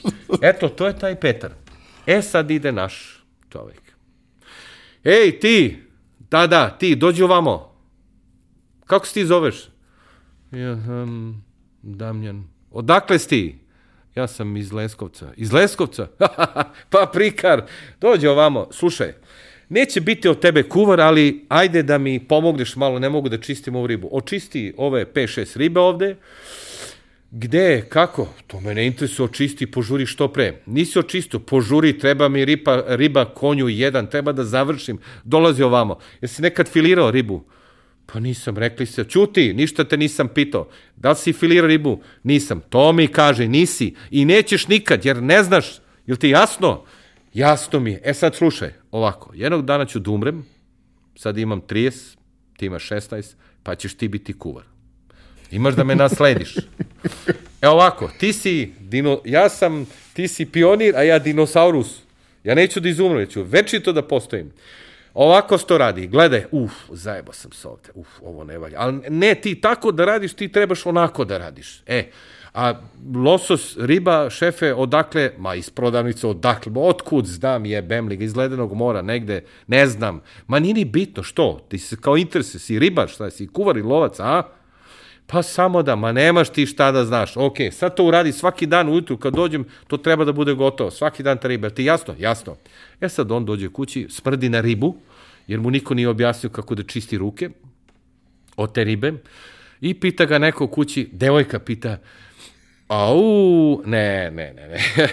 I pita, jeli bre, što si radio? Se kupo neko moru, reka, riba, ovo, ono. Ma radio sam ribu, pa smrdi, pa ne znam kako da operem, pa, pa ti nije rekao, ne, nije. Pa, I kako je bilo?